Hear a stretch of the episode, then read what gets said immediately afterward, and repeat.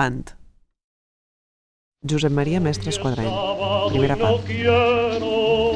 dormir en la quintería porque rondan los gañanes y yo me muero de envidia si me entero de que rondan las esquinas de mi novia La primera infància, potser el més antic que recordo és durant l'època de la guerra, la ràdio llavors hi havia molt, moltes cançons, hi havia molt Emili Vendrell, molt, molt, molt Sarsuela, el Marco Redondo, i llavors jo jugava a inventar cançons, això era un joc, eh? Per això és la meva més antiga relació amb la música. La vocació, diguem-ne, musical, em va venir quan tenia ja, després de la postguerra, el meu pare portava sovint els diumenges al matí als, als concerts de la banda municipal, que tot i que encara no hi, ja no hi havia la Mote Grinyon, però la banda encara era excel·lent i, i allà vaig sentir molta música. I quan tenia 13 anys em va començar a portar al Liceu. I per tant la, la meva informació musical era aquesta, la banda i el Liceu. I el, el que va ser molt determinant és que quan tenia potser em sembla 14 anys vaig veure la Valquíria i llavors allò sí que em va va ser com si m'haguessin donat un cop de puny al mig de la cara, no? mir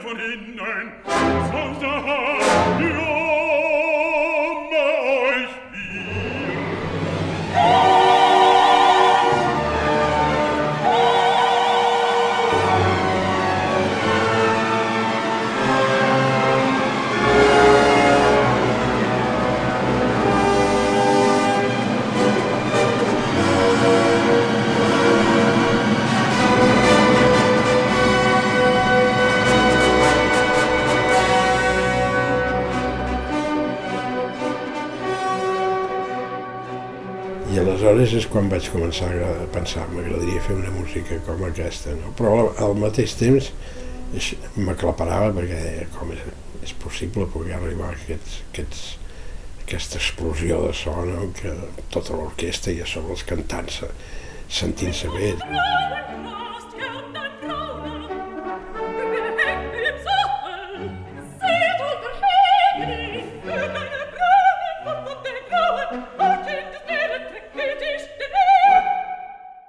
Època estiuejàvem a, a Valldoreix i allà vaig conèixer una, una noia de la meva edat que es diu Rosa Maria Kucharski, que era una gran pianista.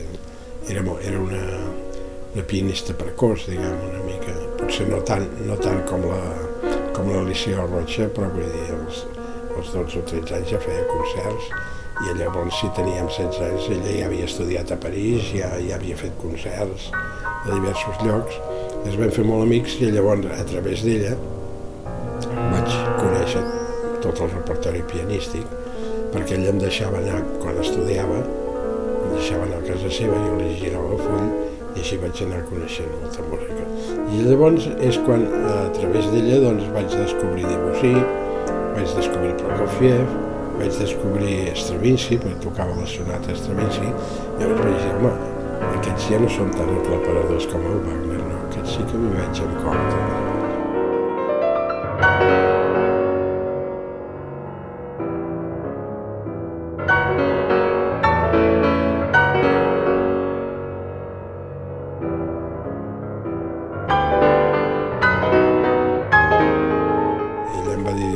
Ensenyar piano, però composició no ensenyo no? per tant no vas anar a l'escola del Bruc i ella em va, fer, em va preparar per, per passar els exàmens de solfeig i, i, i la primera de piano i tal. I eh, entretant vull dir havia anat passant el temps jo ja havia començat la universitat. Vaig estudiar química i un cop em vaig trobar amb un problema en què em coincidia un examen escrit de la universitat coincidien amb hora, amb un examen oral a l'escola del Bruc. I llavors, com que aquests exàmens orals duraven molts dies, vaig anar a veure el director perquè em canviés de dia.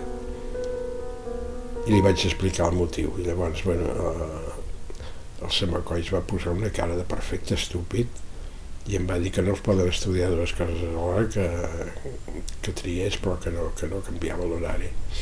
Llavors vaig, vaig veure que allà no hi aprendria mai res, vull dir, quedava molt clar que si era més important l'horari que l'altre, mal assumpte, no?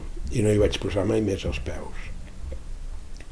Llavors em vaig comprar un tractat d'harmonia de, del Richter i em vaig començar a estudiar l'harmonia pel meu compte. Jo feia els exercicis, un cop fets, me'ls tornava a mirar tal i buscava les faltes i després, bueno, així ens vaig anar tirant i no massa perquè al cap de d'un parell d'anys o així ja vaig, ja vaig conèixer en Taltabull i vaig anar a classes amb en Taltabull ja seguint paral·lelament a, la universitat que ell, ell sí que em permetia fer els horaris que volia no?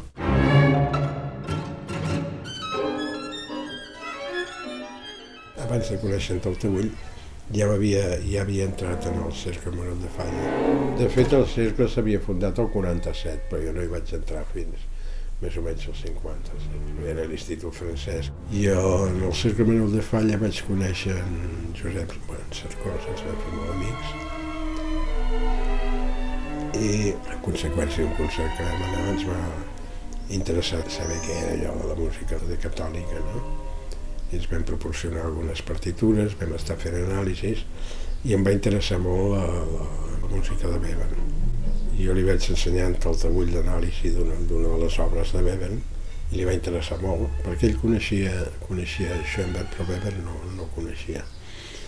Li va interessar molt i em va dir, diu, llàstima no pugui viure 25 anys més per veure on va parar tot això. Eh?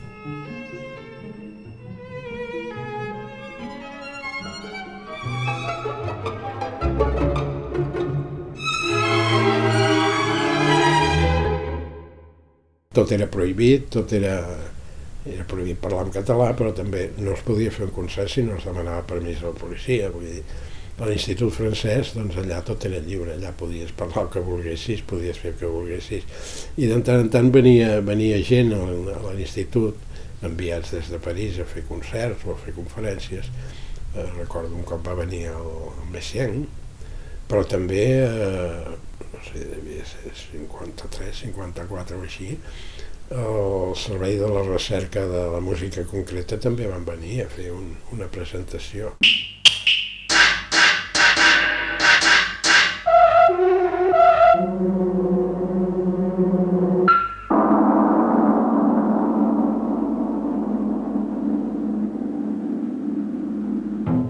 Un dels problemes fonamentals que havia era el d'informació i llavors quan un descobria alguna cosa, doncs ho portava i es discutia i es, i es comentava, i s'analitzava.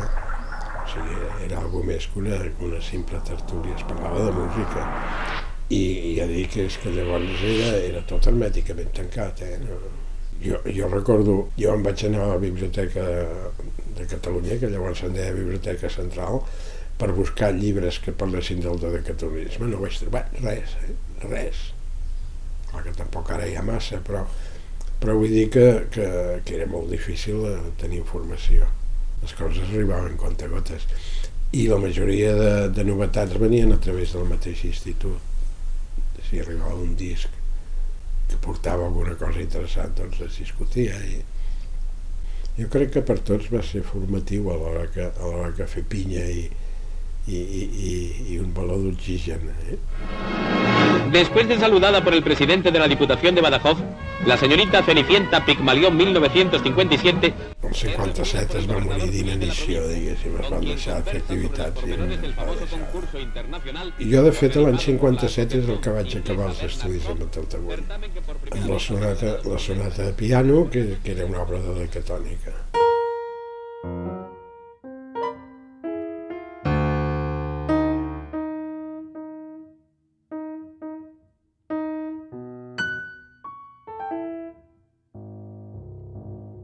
recordo, potser l'última reunió que va fer el Cercle, Manuel de Falla, hi havia també el, el Montpou, en Montsalvatge, en Turull i tots nosaltres. I llavors en Jordi Giró va, va estudiar la meva sonata i la va tocar. I va haver un desconcert general, un desconcert general. I recordo molt bé que el, hi havia el, el Girona al piano i al costat, el, el Montpou va seure al costat. I va veient com la, la, la sonata aquesta, eh, les notes estan molt esparses, o sigui, i, i quan es va acabar el Montpou va dir, carai, quina punteria, mirant els dits del Girona.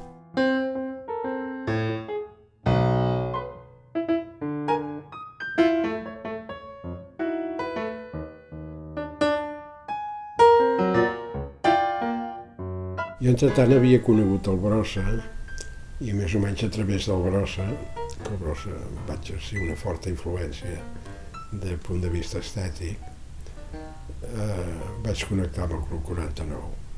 I l'any 59 va comparèixer eh, el Juan Hidalgo, que ell és canari, però havia fet els estudis de música a Barcelona i havia anat a, havia estat a Darmstadt ja, als cursos d'Amsterdam, havia conegut a John Cage i aleshores va venir a Barcelona. I llavors ell és el que em va dir, home, diu, hauríem de mirar de fer un, uns concerts que, que fossin de punters i tal i qual. Va dir, doncs mira, anem a veure en Prats, que era el Club 49, i li vam explicar i en Prats va dir, au, posem fil a l'agulla. Va crear un patronat, es van aconseguir uns diners i el 1960 ja es va fer el primer, al maig, em penso que era, es va fer el primer concert.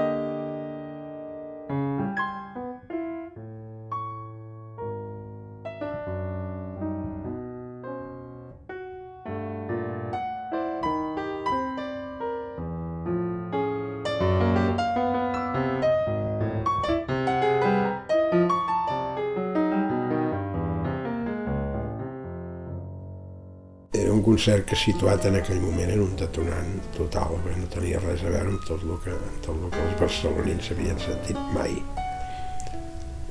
Eh, hi havia una obra de Luis de Pablo, una de meva, una d'en Cercós, una de l'OMS i una de l'Hidalgo.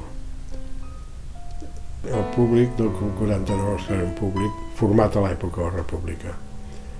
I a l'època de la República aquí havia sigut, a Barcelona havia arribat a ser una ciutat europea de la música, estava al, al, al mateix nivell que, que Viena o París o Berlín.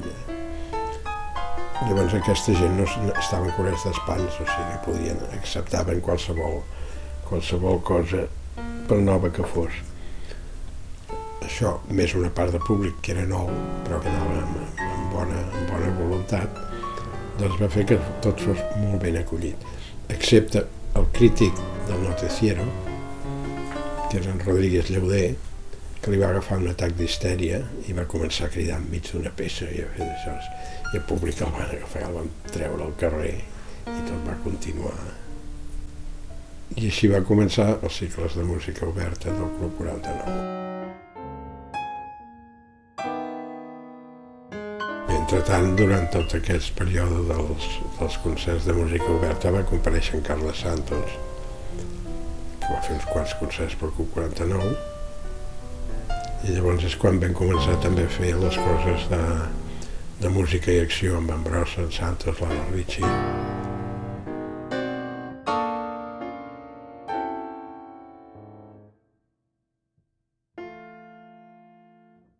En aquella època havia, va sortir el fenomen de la música contemporània a Europa. Carles Santos, músic i compositor. A Barcelona, llavors, Barcelona d'alguna manera va ocupar un lloc, diguem, i, i era en ple franquisme, això.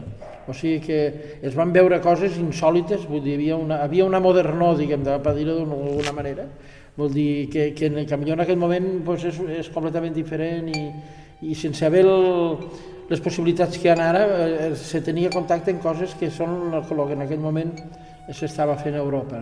Havia estat obsessió també, també era conseqüència de viure com vivien, del franquisme, de la, de la, que no havia la informació que ara, perquè ara en internet ho saps tot, entonces no existia ni, ni totes aquestes coses, i llavors havia una inquietud, no? havia una inquietud, havia una manera d'afrontar les coses amb una, també amb un compromís. Ara les coses sigui el que sigui, tu prens amb els, molta més tranquil·litat en aquella època cada cosa que d'això tenia, una, tenia un doble tenia un plus, no? de, de, i era per la circumstància que vivíem i per la, la, el desig de, de, de, de, de saber, de veure, de sentir, vull dir, de...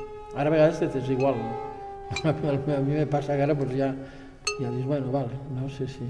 Aquí va vindre gent com la Stockhausen i el Bolés, i va vindre després el Cunningham i el John Cage, i tot això, i allò va, jo allà vaig jo vaig dependre molt. Tot això era, era època meva de, diguem, de relació amb els mestres. El Brossa i el Bordavella i el Tàpies i el, el Prats, el, el que coordinava tota una mica, el de la sombrereria aquella, que era una galeria Prats allà a la Rambla Catalunya. Prats era un home que li interessava tot l'art. Eh, arquitectura, eh, música, pintura, escultura, fins i tot les arts populars, tot el que fos autènticament expressiu, li interessava i li, li agradava molt. Llavors, doncs, a través de, a través d'en Prats, doncs, vaig conèixer el Miró, vaig fer amistat amb en Miró, però també, eh, també amb Tàpies, amb Villèlia, que és l'escultor. El conèixer, doncs, tant el Miró com el Tàpies, que, que, que, que Tàpies ens seguim veient regularment. Eh, és el que em va, em va diguéssim, posar dins l'òrbita de tot aquest moviment que, que, era, que era Miró, Tàpies, Brossa. I llavors doncs, he fet col·laboracions, principalment amb en Brossa, perquè en Brossa estaria al vessant del teatre, i hem fet les seccions musicals, però també, també vam fer un parell d'òperes i diverses obres escèniques, no gaires, però també vam fer algunes cançons i algunes cantates. El conèixer, fins i tot l'arquitectura, el conèixer els mecanismes que fan servir els arquitectes per, per construir-les, elaborar els seus projectes i no posar els totxos, sinó tot, tot el que ve abans. Tot això m'interessa molt. I, i el, el procés creatiu del Miró em, em va ajudar tant com tot el que havia après amb, amb el tabull, és dir, que si un, un em va ensenyar a fer la música com Déu mana des del punt de vista clàssic, l'altre em va ensenyar com es crea a partir de, a partir d'unes realitats que són molt diferents. I crec que, so, que és la persona a qui li dec més és en Miró.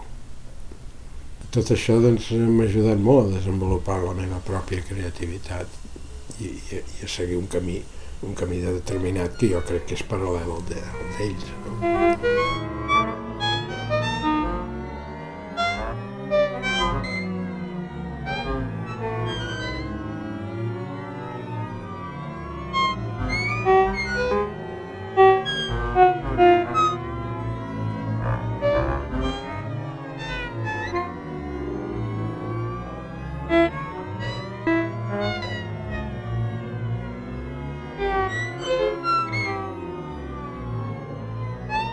Definiria la personalitat de Josep Maria Mestre Esquadreny dins d'una poliedria constant, en tant que és un personatge que no només s'escriu el fet d'haver estat un creador musical contemporani, Oriol Pérez, sinó que biògraf de Josep Maria Mestre Esquadreny. No?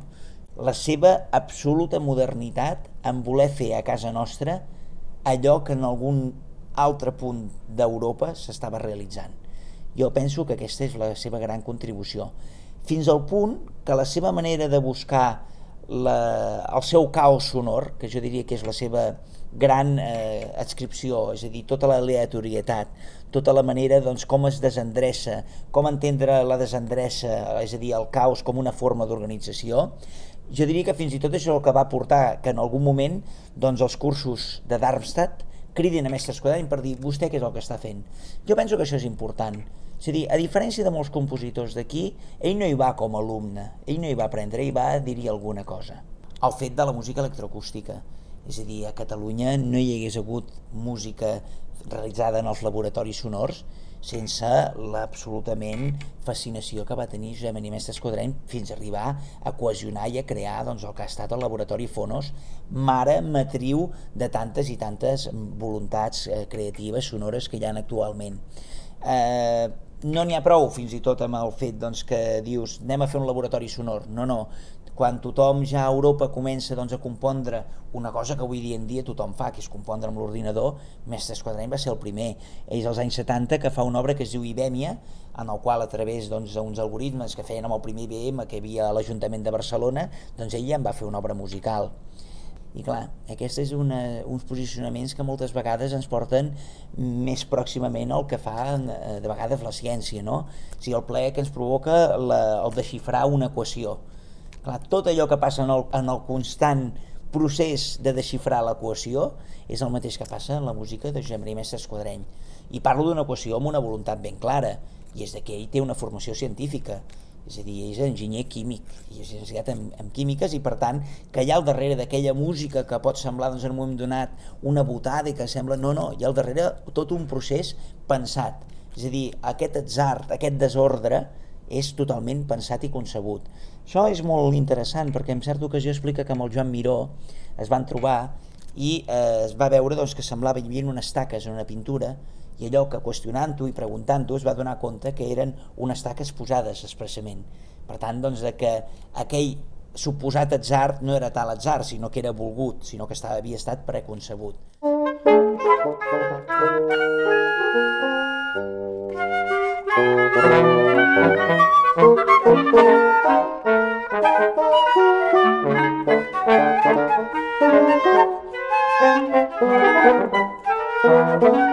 Ja a partir de, del 64-65 ja vaig començar a treballar en probabilitats. En definitiva, el mètode de simulació de Monte Carlo, que és un mètode de l'estadística, no és gens complicat, però és molt laboriós. I vaig pensar, si això ho pogués fer l'ordenador, no? I just quan vaig conèixer el Callejo, ell em va dir que sí, que era possible, i que aquí a la, a la universitat, a l'escola d'enginyers, hi havia un ordinador i hi havia un centre de càlcul. No existia la facultat d'informàtica encara, llavors. Aquest ordinador era, era gran com una habitació, tenia 20 cas de mentida. Però, però esclar, tenia tots els elements, tenia poca memòria, però tenia molts elements de càlcul. I aleshores aquí és on vam començar a elaborar uns programes que permetessin fer tot, tot això que jo feia manualment, que era molt entretingut. Perquè, esclar, esclar quan me'n vaig enterar que l'ordinador tenia una rutina que generava números aleatoris, vaig dir, fantàstic, perquè eh, moltes de les operacions que es feien amb ordinador partien a partir de números aleatoris per un filtratge, que és el mateix que feia jo. És dir, jo, jo feia les obres fent una planificació, havia de fer una planificació, i donava a cada, a cada, a cada espai li donava la probabilitat que havia de tenir de que apareguessin determinades coses.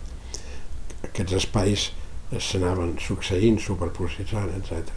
O sigui, o sigui que s'havien de fer molts, eh, molts elements, calcular-los per separat i, i mesclar-los, diguem.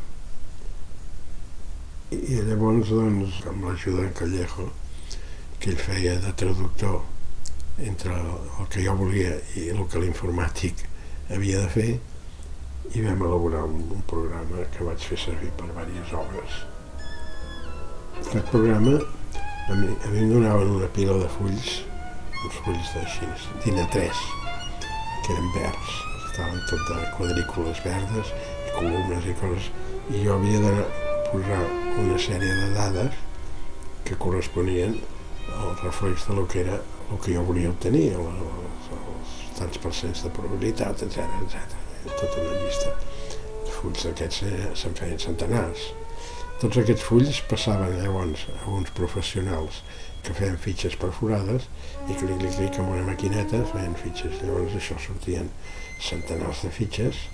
Aquestes fitxes es posaven, anava, llavors a l'Ajuntament que tenien una IBM 360, que era una màquina ja gran, les introduïen, feia el càlcul i llavors sortia imprès amb un llenguatge simbòlic que ens vam inventar, que descrivia, era un simulacre de partitura, però era descriptiu deia compàs per compàs quin instrument feia, en quin moment, etc etc.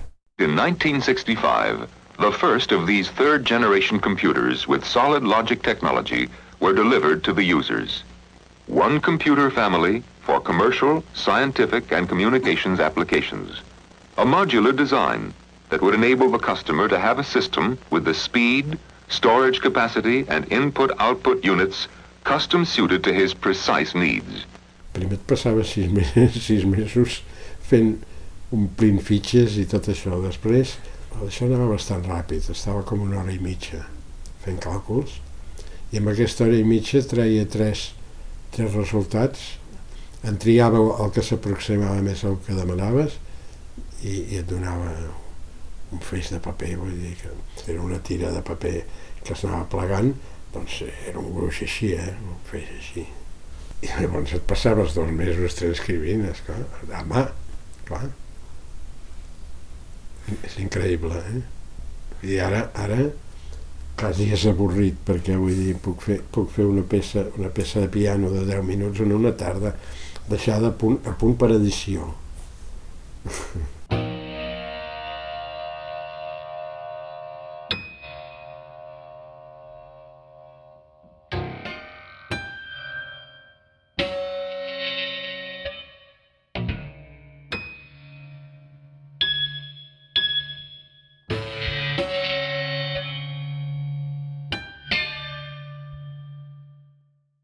Perquè aviam, tens, quan jo parlo d'aleatori, parlo d'aleatori matemàtic, eh? O sigui, per mi l'atzar no té res a veure amb el fortuit. L'atzar és un terreny intermedi que hi ha entre els fenòmens deterministes i els indeterministes, i entremig està l'atzar, que actualment està molt desenvolupat, eh? però vull dir que fins, de fet, fins al 1914 era, era una ciència empírica perquè no, no tenia axiomàtica. I el que va crear l'axiomàtica va ser Kolmogorov, un matemàtic rus, i llavors a partir de llavors ha sigut espectacular el, el creixement de la, de la matemàtica, de la probabilitat que engloba l'estadística, tot, tot plegat.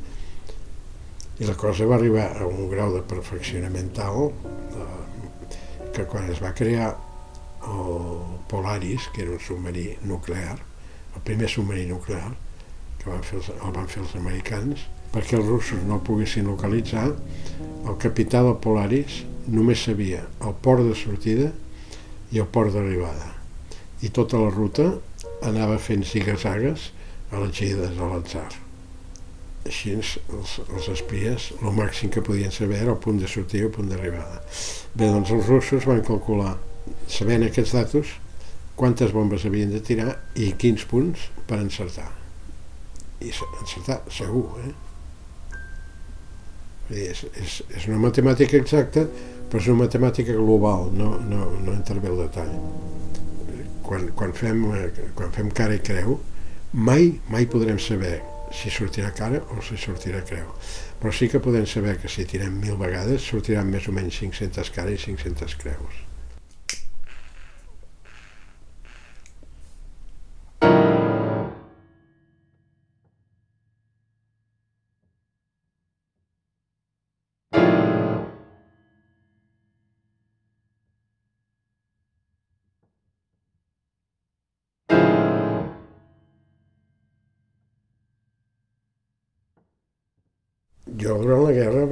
Moments de terror per dues vies. Una, el primer gran bombardeig que hi va haver, que va ser naval, va ser un barco que es va instal·lar aquí davant del port i va, i va enviar les canonades cap a Barcelona. Jo recordo com si ho estigués visquent ara, aquest bombardeig. El meu pare estava malalt, a 40 de febre, amb una grip que tenia. I de sobte va sonar una... era de nit va ser un, un terrabastall que van tremolar tots els vidres de la casa. Jo em vaig espantar i em va dir, no passa res, posa't sota el llit que jo et protegiré. Ves que volies que fes, pobre home. Després he llegit que només van ser nou canonades, però a mi em va semblar que havien sigut mils, però no s'acaben mai. Senties la canonada, el moment que disparaven. Després senties un xiulet i després senties l'explosió final. Clar, cada cop que senties el xiulet perdies la respiració, sabies que et podia caure a sobre. I això va ser aterrador. I una altra cosa que també em va crear terrors va ser que eh, els primers dies de la guerra eh, aquí es va desmadrar molt la, la, la, la gent de la FAI, els, els anarquistes, eh, volien fer la guerra contra el Franco, però al mateix temps la revolució van fer molt, moltes bestieses. Entre elles doncs, la crema de convents i una mina de coses. Llavors hi havia a prop de casa un, un convent, hi havia un pati amb una reixa. Doncs havien desenterrat els cadàvers del, del convent aquell, els havien posat allà exposats a les caixes obertes i totes les mòmies allà. No sé per què ho feien això, però això ho vaig veure i això em va terroritzar, també em va crear... Vaig estar durant molts anys que quan em posava a dormir veia totes aquelles mòmies al costat del llit meu. Per sort, per sort no em treien la son, m'adormia i ja no les veia més, però, però les veia cada nit, cada nit, cada nit. Clar, haver viscut aquesta, tot, tot, tot, tot aquests, haver viscut tot això, no és estrany, no tant, no tant l'agressivitat, la, sinó el desig de fer una cosa absolutament nova que no tingués que veure amb el passat, que era un passat ple de malsons. I esclar, la, la, la música del passat per nosaltres doncs era això, era Rodrigo i Montpou i, fa, i, i, i Toldrà. I la gent de la meva edat no en volíem saber res amb això.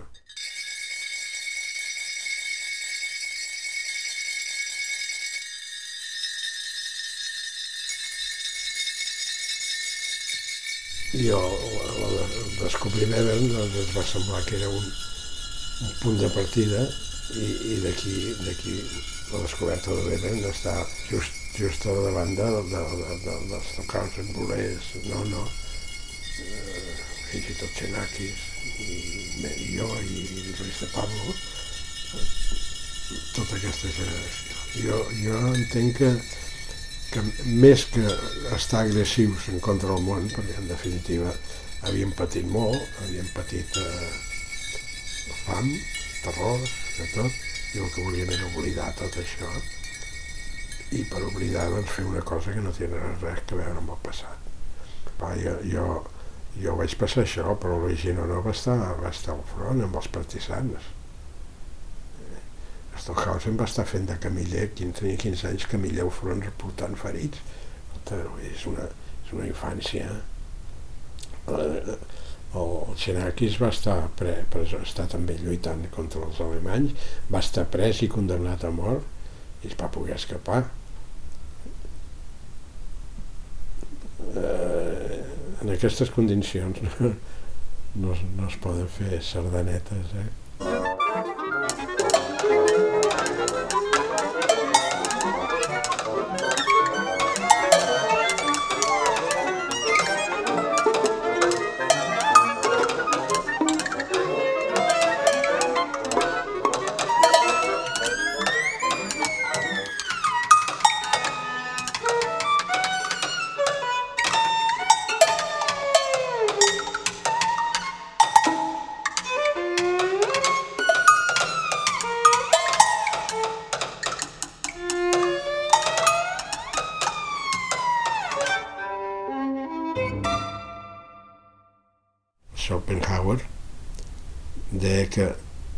Compositor expressa la més gran saviesa del món sense saber per què. Diu, és com una mèdium. Després d'haver dit moltes coses, no, no sap què ha dit. No? Quan escoltem una obra, cada un l'entén d'una manera diferent. Cada un dona un sentit diferent, un sentit personal al que escolta. I això jo crec que depèn de molts factors, però principalment de la, de la creativitat de cadascú. Tothom té un grau de creativitat. I aquest grau de creativitat estimula tota una sèrie de mecanismes que són els que fan que quan sents una cosa li donis un significat que no el pots explicar al, al, al del costat. Jo trobo que és meravellós estar en un concert que hi ha 200 persones i que cada una doni un significat diferent a el que tots sentim al mateix temps i, i alhora, vaja. Llavors podem donar-hi tantes voltes com vulguem, però al fons de la qüestió no hi arribarem mai. Per fortuna. si, no, si els científics arribessin a trobar el misteri de la música, a descobrir-la, crec que s'acabaria la música ja. Thank you.